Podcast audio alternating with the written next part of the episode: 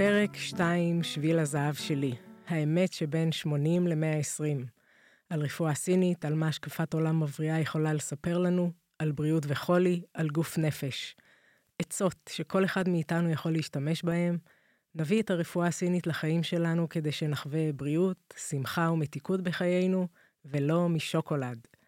איפה אני חי, במה אני עובד, מה אני אוכל, עושה ספורט, איך אני ישן, משפחה, חברים, תחביבים.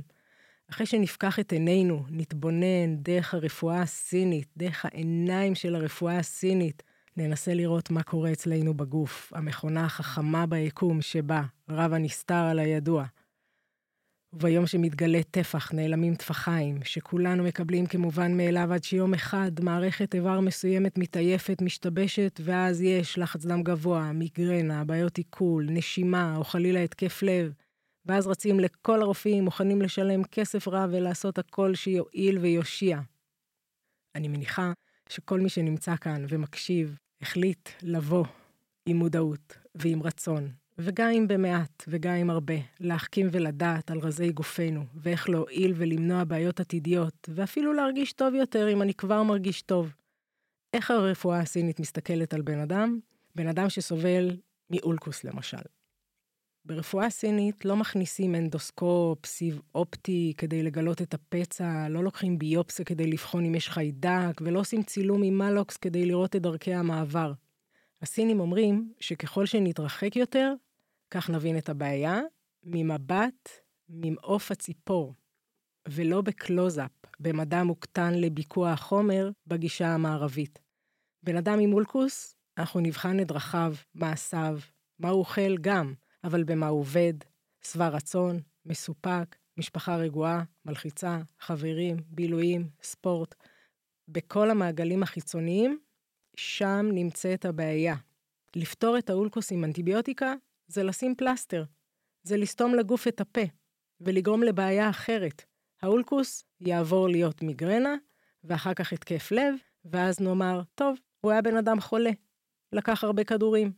כאן בפודקאסט ביחד, אנחנו נדבר על שני דברים. זה תיק עם שני תאים. תא אחד מכיל את היכולת לזהות מי אני, איזה טיפוס אני. חם, קר, טיפוסיני, טיפוס יאנגי. ובתא השני, את ההבנה והיכולת לזהות את הצמחים והתזונה הנכונה והמתאימה והבריאה לי ביותר.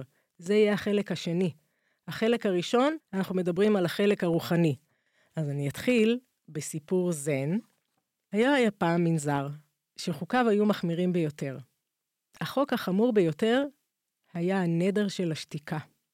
אסור היה לדבר כלל, מלבד ההיתר שבכל עשר שנים היה מותר לכל נזיר לומר שתי מילים.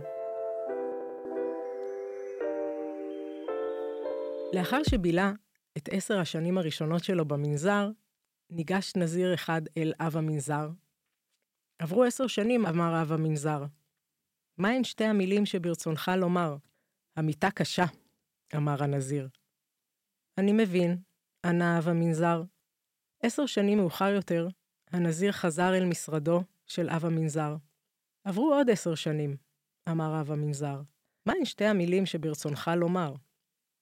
האוכל מגעיל, אמר הנזיר. אני מבין, ענה אב המנזר.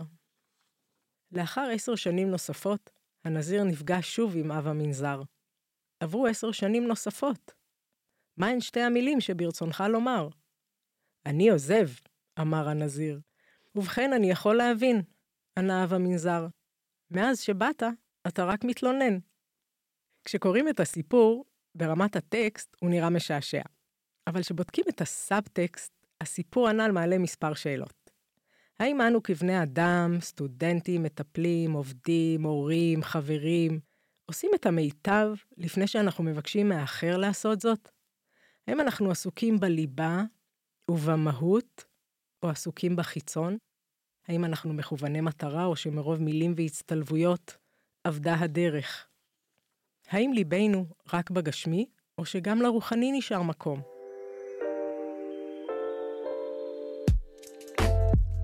הסיפור שלפנינו מראה כי הנזיר התעסק רק בחיצוני ובגשמי, המיטה, האוכל, ולכן היה מלא טענות כרימון.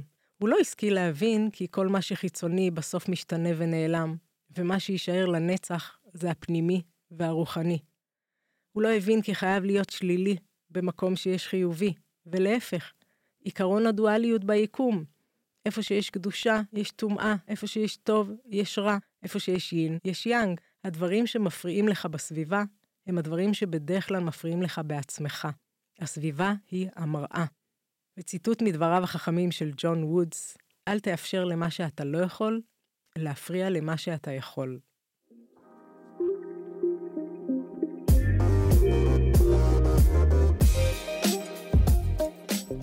שם הפודקאסט זה שביל הזהב. מהו שביל הזהב שלך, שלך? מה האלמנט הדומיננטי שבך, שבך? שביל הזהב שלי עם סוכרת נעורים מגיל 11 מתחיל בכך שרמת הסוכר שלי בדם נעה בטווח המספרים שבין 80 ל-120 מיליגרם סוכר בדם. זה הבסיס לטאו שלי, לדרך שלי, לשביל הזהב שלי.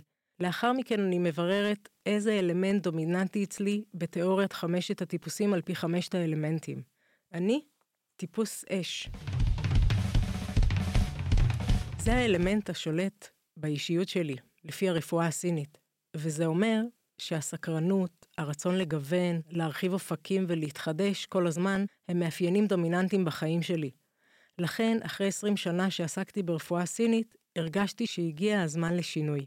הבחירה ללמוד משפטים התאימה לאלמנט המתכת, שגם הוא דומיננטי באישיות שלי, ועל פי הרפואה הסינית מאופיין בתפיסה הלוגית, השאיפה לחוק וסדר.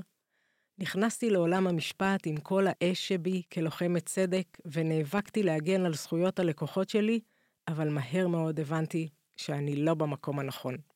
חמש שנים בלבד הספיקו לי, וכבר חשתי שאני חוטאת למטרות של עצמי, שאני תקועה במקום בינוני ביחס ליכולות שלי, ולכודה בכלוב של זהב. מבחינת התנאים, השכר והטפיחות לאגו. הרגשתי שאני לא ממצה את הפוטנציאל שלי, כמו שתמיד הנחיתי את תלמידיי, והסנדלרית מתחילה לחלוץ את הסנדלים כדי ללכת יחפה. ההתלבטות התארכה. היה קשה לוותר על היוקרה והמעמד כעורכת דין עבור תחושת השליחות והסיפוק, שלצערי אינם מתוגמלים ביד כל כך רחבה. אך אז פגשתי איש חכם שאמר לי, רק מתי מעט מצליחים לשמור על גוונם הייחודי, מטפחים עצמם במסגרות שכיף להם, שחשוב להם, שהם מרגישים כיצד להיות חלק ממשהו שהוא מעבר לעצמם. זו הייתה קריאת השכמה עבורי. פרשתי מהעיסוק במשפטים וחזרתי לערכים שנוגעים בנשמתי בעולם הרפואה הסינית, עם עוד נכסים בתרמיל מהחוויות, הידע והניסיון שצברתי כעורכת דין. החלטתי להתמסר לעולם הריפוי הסיני ולחשוב מתוך תפיסת עולם מבריאה ולהפיץ את הידע והניסיון הרב שצברתי מתוך ההתמודדות האישית שלי עם מחלת הסוכרת על סיבוכיה. הרמב"ם כתב פעם שהרופא הטוב לגיהנום. אני למדתי את זה על בשרי. הייתי בגיהנום ומשם אני יודעת להביא את מטופליי חזרה לריפוי ובריאות בעזרת האוצר הבלום של החוכמה הסינית בת 5,000 שנים, ודרך השקפת עולם מבריאה. כעבור חמש שנים נוספות, כשהבנתי שאני לא חייבת לבחור האם להיות עורכת דין, או מרצה ומטפלת ברפואה סינית, כשם שאני גם וגם באישיות שלי ובתכונות האופי שלי, עוצמתית ורכה, נחושה ורגישה, כך אוכל לשלב בין עריכת דין ורפואה סינית, וזה מה שאני עושה היום. המהות שלי היא הרצון לעזור לאנשים שבאה לידי ביטוי דרך שני אפיקים, זרועות, או אם נדמה זאת לשמש, שהעיגול המרכזי הוא המהות שלה, האש, ודרך הקרניים זו הדרך להפיץ את האור, את החום, החוצה, ליקום, לאנשים.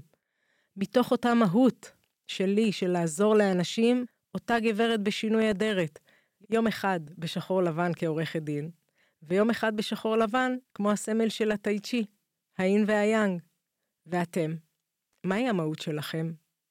תענו לי בדף הפייסבוק. שאלה, מה המהות שלך? מה המהות שלך? תהפכו את העיניים, תתבוננו פנימה רגע עם עצמכם, תענו לי. שאלות תשובות. המהות האלמנט הדומיננטי, מה זה אומר? זוכרים את התעודה שקיבלתם בכיתה ד' והיה כתוב, הילד לא מממש את הפוטנציאל? לי בכל אופן זה היה כתוב. אתם ודאי מעניינים בראש, אני רואה, גם העורך כאן איתי, והאנשים מעניינים. חקרתי, למדתי ומצאתי תשובה אצל הסינים. מה זה הפוטנציאל הזה שהיה כתוב לנו בתעודה? מסי בגיל ארבע שמו לו כדור בין הרגליים והוא נהיה כדורגלן דגול. אם היינו שמים את מסי באוקספורד בגיל ארבע, האם הוא היה נהיה מתמטיקאי דגול? או ניקח את רם אורן לדוגמה, שיש לו דמיון מפותח והוא כתב עשרות ספרים רבי מכר. אם היינו שמים לו כדור בין הרגליים בגיל ארבע, הוא היה נהיה מסי? אם כך, יש מתנה שאנו מקבלים בלידתנו, אותו פוטנציאל, אותה מהות. כשם שבנראות הפנים של כל אחד ואחת מאיתנו אנחנו שונים, למעט תאומים זהים, וגם, כל הפנימיות והרוחניות שלנו שונה מאחד לאחד, וכל אחד חייב, זה לא זכות ולא רשות, כל אחד חייב לגלות מהי המהות, מה האלמנט הדומיננטי שקיבל מתנה ועדיין לא ממומש. מחקרים שנערכו בארצות הברית ב-800 אלף תלמידים חולקו לשתי קבוצות. 400 אלף תלמידים חזקים בחשבון ו-400 אלף תלמידים חלשים בחשבון. נתנו שיעורי עזר, שיעורים פרטיים, שיעורי חיזוק, ל-400 התלמידים שחזקים בחשבון ובסדר בשאר המקצועות, וחיזוק שיעורים פרטניים ל-400 אלף התלמידים שחלשים בחשבון, ובסדר בשאר המקצועות. ומה גילו? שכאשר חיזקו את החזקים בחשבון, הם שיפרו ידיעות וציונים בחשבון, ואף ביתר המקצועות. לעומת הקבוצה של החלשים בחשבון, שקיבלו שיעורי חיזוק במקצוע שחלשים בו, שיפרו במעט את ידיעותיהם וציוניהם בחשבון, וללא שיפור בשאר המקצועות.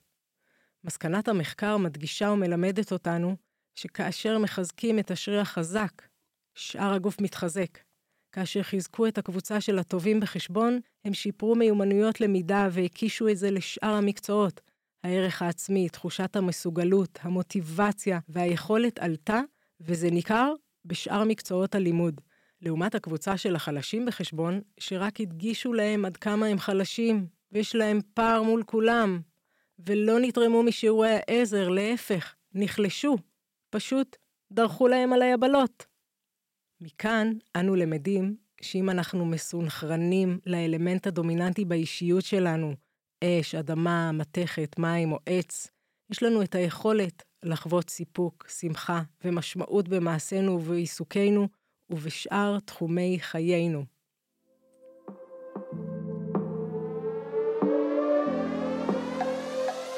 ונעבור לפינת שאלות תשובות. זוכרים, מכדררים כאן שאלות תשובות, אתם אליי, אני אליכם בהדדיות. יש לנו את הפודקאסט חדשני, הישר מהמרכז לחדשנות בירושלים.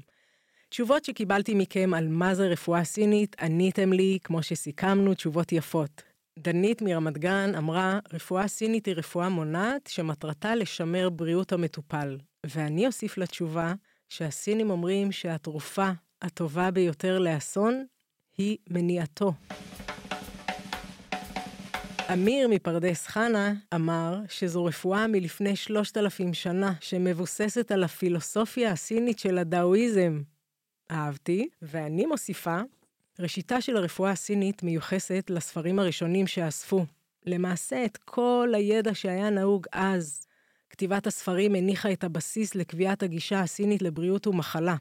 תיאור האיברים, תפקודם, פירוט המרכיבים השונים שבגוף וקשרי הגומלין ביניהם. מה זה טאו? אני ארחיב טיפה. טאו זה מקביל למושג שביל הזהב של הרמב"ם. הטאואיסטים הסתכלו על הסביבה לפני שלושת אלפים שנה, וראו שהאדם הוא חלק מהטבע ואינו נפרד ממנו.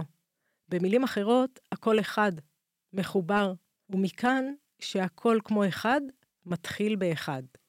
אחד הוא הטבע, והאדם הינו יחידת טבע קטנה, מיקרוקוסמוס מתוך המקרוקוסמוס. ולכן, אם אנחנו יחידת טבע קטנה, אותם חוקים החלים בטבע, חלים גם עלינו. תהליכים ותופעות שקורים ביקום, מתקיימים גם בגופנו. תדמיינו בן אדם שכועס. הפנים אדומות, עיניים אדומות, נהיה חם, כיוון האנרגיה עולה ומתפרץ לצדדים, כמו אלמנט העץ בטבע. כיוון האנרגיה של העץ עולה למעלה ולצדדים. דמיינו אדם שמפחד, כן? מקבל פיק ברכיים, כופה במקום, הכל נופל למטה, רואים את זה בבעלי חיים שמאבדים שליטה על הסוגרים, כן? כמו הביטוי שאומרים, בן אדם משתין מפחד. האלמנט של המים, הכיוון זרימה שלו מלמעלה למטה. ככה אנחנו רואים את האלמנטים, איך הם משתקפים בגוף האדם. אותו דבר כמו בטבע. אדם שהוא עצוב, כלוב הצלעות נסגר, הכתפיים נשמטות. התיאור שלו שזה חונק, זה חותך. מה חותך בטבע? איזה אלמנט חותך ונוקשה בטבע? המתכת. לסינים לא היה רנטגן, CT, MRI, בדיקות מעבדה, יכולת לוויכוח חומר במדע מוקטן. מה שהם ראו בחוץ, הבינו שכך קורה בתוך גוף האדם. נחזור לאחד, לטאו, לשביל הזהב, של מה שקורה ביקום מחובר לגוף האדם, כמו מחזורים שלובים. השמש זורחת ויום מפציע, במקביל פועלים מחזורים בגוף, זהו הריתמוס, זהו הקצב של היקום אליו מחובר הגוף. אנו מחוברים ליקום דרך השמש, דרך האור. בכל שעה ביום יש איבר פעיל אחר יותר מאיבר אחר. זהו השעון הסיני של האיברים.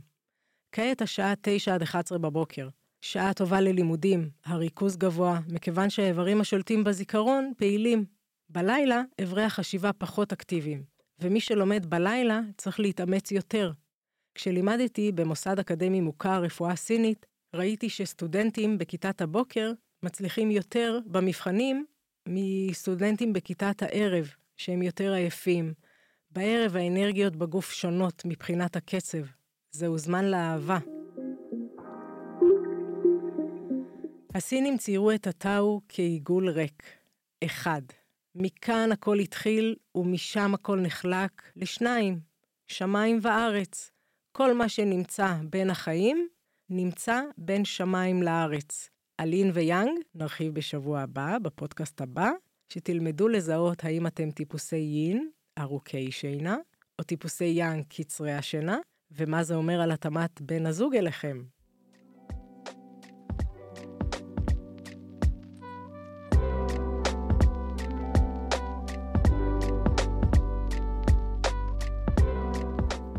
חרדה, בראי טיפוס האש. איזה טיפוס אתם, ומה זה אומר על יכולות ההתמודדות שלכם במצב של דיכאון וחרדה? הרפואה הסינית מבוססת על ראייה הוליסטית ועל השקפת עולם מבריאה, שהופכת אותך להיות הרופא הטוב ביותר של עצמך, ורואה בגוף ובנפש קשורים זה לזה. כך שאם אתה סובל מבעיה גופנית, פיזית מסוימת, היא תקבל ביטוי בצורה שונה אצל אנשים שונים, ולהפך. בעיה או קושי רגשי יקבל ביטוי גופני, פיזי, שונה אצל כל אחד. כמו שאמרנו, כשם שהפנים שונות מאחד לאחד, ככה הפנימיות, הרגשות והרוחניות שונים מאחד לשני. על פי שיטה זו, בני האדם מחולקים לחמישה טיפוסים, לפי חמשת האלמנטים אש, אדמה, מתכת, מים ועץ. לכל טיפוס ישנם מאפיינים דומיננטיים, נטיות מובהקות וכישורים בולטים. ואת תהליך ההבראה והאיזון, כל טיפוס יעבור מכמה היבטים. במזון, בתרגול הגופני, בנשימה, ביכולת ספיגת המזון הפיזי, הנפשי והרגשי. שיטת חמשת הטיפוסים היא כלי אבחון וריפוי מחלות המאפשר לאמוד חולשות, לצפות תהליכים בגוף ולחזות בעיות עתידיות. טיפוס האש, מכירים את הטיפוס שנכנס לחדר וכולם מסתכלים עליו? מסמר המסיבה? טיפוס האש הוא המרכז, הוא כריזמטי, נוכח, לב העניין עצמו. הוא יוצר התרגשות, מעין קסם, מאחד אנשים, מבטל את המוגבלות, את הפחד מהשינוי והקיבעון. אופטימי, נדיב ונכון לעזור. מראה את החצי כוס המלאה, בעל כושר ביטוי בהיר ורהוט. לטיפוס האש, מבנה גוף ושפת גוף אופייניים. לדוגמה, טיפוס אש יהיו בדרך כלל בעלי ראש קטן, בית חזה וכתפיים רחבות, וידיים ורגלות דקות וקצרות ביחס לגוף, כמו גפרורים. כאשר טיפוס האש יוצא מאיזון, הוא מתבודד, מסתגר, מתכנס בתוך עצמו, נכנס לדיכאון. הלהבה נכבדת, ולעיתים נוטה להתפרצויות מאניות, כלהבה המרצדת.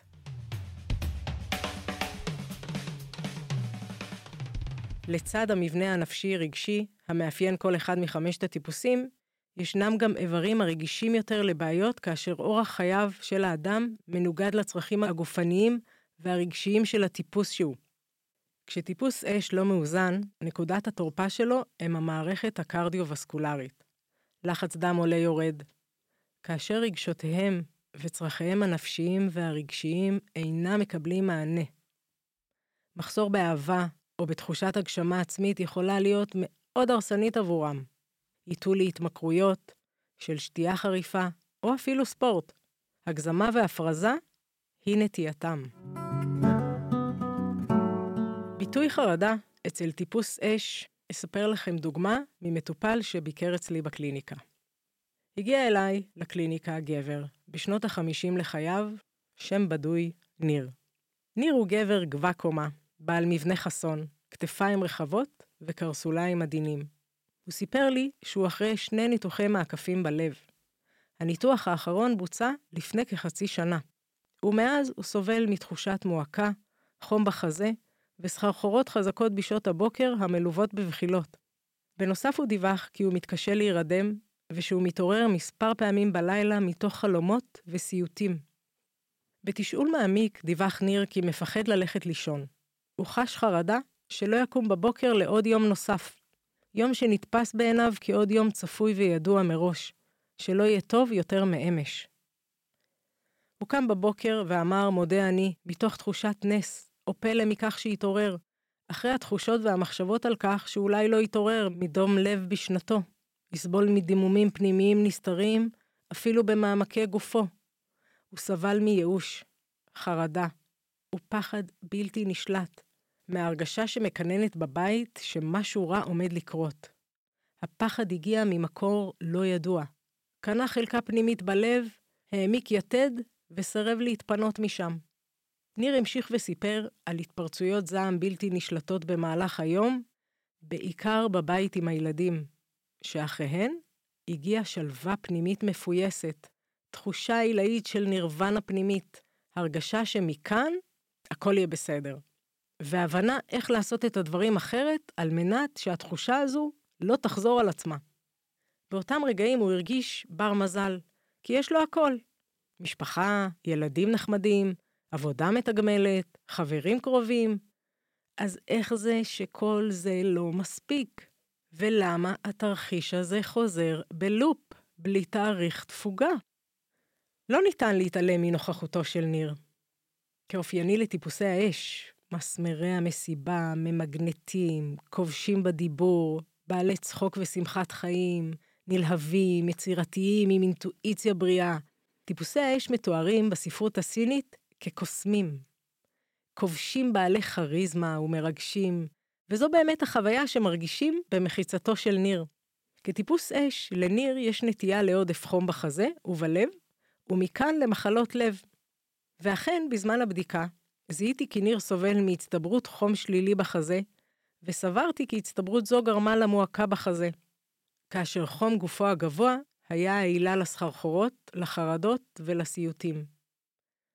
בנוסף, גיליתי בבדיקה שלשונו אדומה ויבשה, עובדה המאששת קיום חום פנימי על פי העקרונות אבחנת הלשון אצל הסינים. המלצתי לניר טיפול המשלב אקופונקטורה, דיקור סיני, מבנית, ונטילת פורמולת צמחים המקררת ומרגיעה את החום בבית החזה. בנוסף, המלצתי על שינוי תזונתי עם מחלים מקררים ומרגיעים את הנפש, ועל מדיטציה שתסדר את המחשבות והנפש ברמה היומיומית. ניר הקפיד על נטילת הפורמולה, ביצוע השינויים בתפריט והגעה לסדרת טיפולים באקופונקטורה. כבר בטיפול השני חל שיפור במצבו ובמגמה עולה, ובתוך חודשיים הוא דיווח לי כי השינה בלילה נרגעה. הסיוטים והחרטות פחתו וכמעט נעלמו, והוא, כפי שתיאר בלשונו, חזר להיות שפוי ונורמלי. הוא סיפר לי שהמדיטציה מאפשרת לו סדר פסח פלוס חשבון נפש של יום כיפור ברמה היומית, ושהוא מרגיש נקי ושלב בפנים.